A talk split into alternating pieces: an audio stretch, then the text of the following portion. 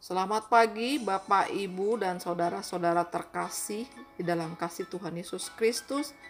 Senang sekali dapat berjumpa kembali di udara dengan Anda sekalian yang bersemangat mempunyai waktu teduh dengan Tuhan. Sebelum kita merenungkan bagian firman Tuhan dari Mazmur 89, saya yakin Anda sekalian sudah membaca perikop yang terdiri dari 53 ayat ini. LAI memberikan judul Kesetiaan Tuhan kepada Daud. Sebelumnya, mari kita berdoa untuk meminta kekuatan dari Tuhan. Bapa yang maha baik, kami bersyukur untuk kasih setia Tuhan di dalam hidup kami. Kami telah menyaksikan tahun lalu bagaimana Tuhan sudah setia kepada kami.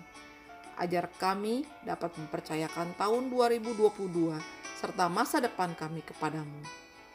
Tuhan, tolong kami agar firman-Mu dapat diwujudkan secara nyata di dalam hidup kami. Terima kasih Tuhan, di dalam nama Tuhan Yesus kami berdoa dan mengucap syukur. Amin. Bapak, Ibu, Saudara-saudara sekalian, ada yang bisa menebak judul lagu ini yang pastinya tidak asing bagi kita, yang menjadi background dari renungan saat ini. Mari kita dengarkan bersama-sama.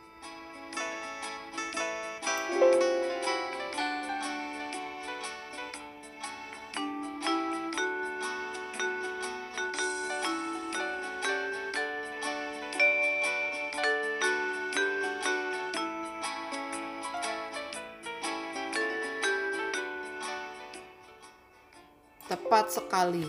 Judulnya adalah I Will Sing the Mercies of the Lord Forever atau kunyanyikan kasih setia Tuhan selama-lamanya. Lagu ini diambil dari Mazmur 89 ayat 2. Untuk lebih memahami bacaan hari ini, ada baiknya kita menggali kontekstual situasi saat itu. Mazmur ini merupakan sebuah nyanyian pengajaran. Dikumandangkan Etan. Siapakah dia? di satu Raja-Raja 2 ayat 31 dia dibandingkan dengan Raja Salomo.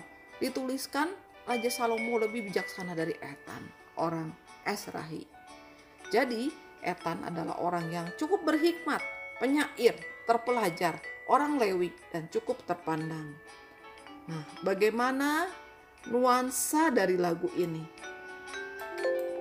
Tampaknya dinyanyikan dalam keadaan riang dan ceria. Sangat wajar bila hanya sedikit orang yang memahami.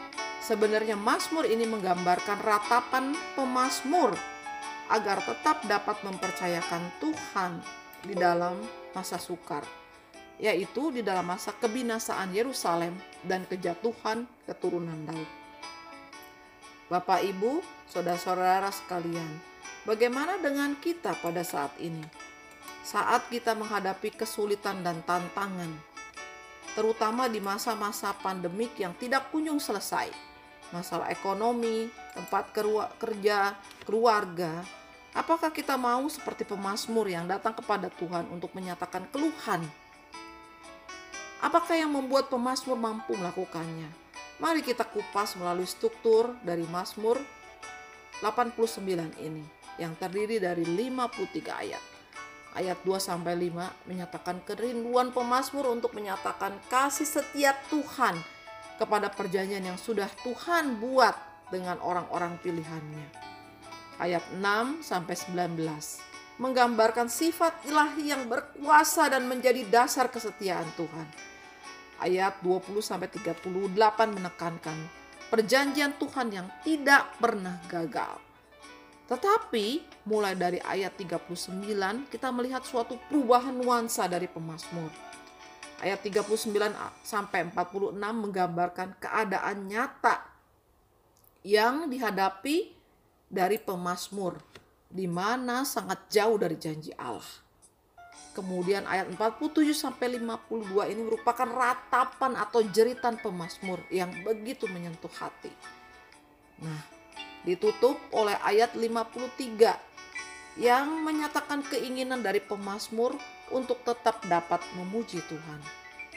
Ternyata sungguh indah dan syarat makna Mazmur 86 ini, di mana banyak hal yang dapat digali. Namun saya mengambil penekanan terutama dari ayat 39 sampai ayat yang ke-52. Seberapa sering kita merasakan hal yang menyesakan seperti pemazmur dan seakan-akan Tuhan tidak membantu. Di ayat 47, Berapa lama lagi ya Tuhan engkau bersembunyi terus menerus, berkobar-kobar murka mulaksana api. Di ayat 50, di manakah kasih setiamu yang mula-mula ya Tuhan, yang telah kau janjikan dengan sumpah kepada Daud demi kesetiaanmu. Ini semua merupakan ratapan seakan-akan Allah berdiam diri. Atau kita sering merasakan ditinggal pada waktu kita mengalami kesulitan. Mengapakah Allah seakan-akan berdiam diri di masa pandemik? Pada waktu kita mengalami tantangan ekonomi, pekerjaan, atasan atau rekan kerja yang sulit diatasi apakah benar-benar Tuhan berdiam diri? Tapi pastinya Bapak Ibu saudara-saudara sekalian, dia akan bertindak sesuai dengan waktunya. Yang luar biasa adalah pemazmur menutup bagian dari parikop ini dengan tekad untuk tetap mau memuji Tuhan karena dia memegang janji Tuhan. Bagaimana dengan kita? Dapatkah kita tetap memegang janjinya? satu janji yang luar biasa yang sudah diwujudkan yaitu keselamatan. Kristus telah lahir di dunia, menebus dosa kita dan memberikan jaminan hidup kekal. Seperti orang yang menonton film atau membaca buku, di mana dia sudah mengetahui bagian akhirnya. Walaupun ada pergumulan berat, tapi kita sudah mengetahui bagian akhirnya. Ini adalah yang memberikan kekuatan kepada kita dalam menghadapi kesulitan hidup. Begitu juga pergumulan utama kita. Kristus sudah menuntaskan bagian akhirnya. Sungguh luar biasa. Marilah kita tetap memegang janjinya pada waktu kita menghadapi kesulitan hidup kita. Selamat menjalani hidup ini dengan tetap menaruh harapan dan berpegang kepada janji Tuhan.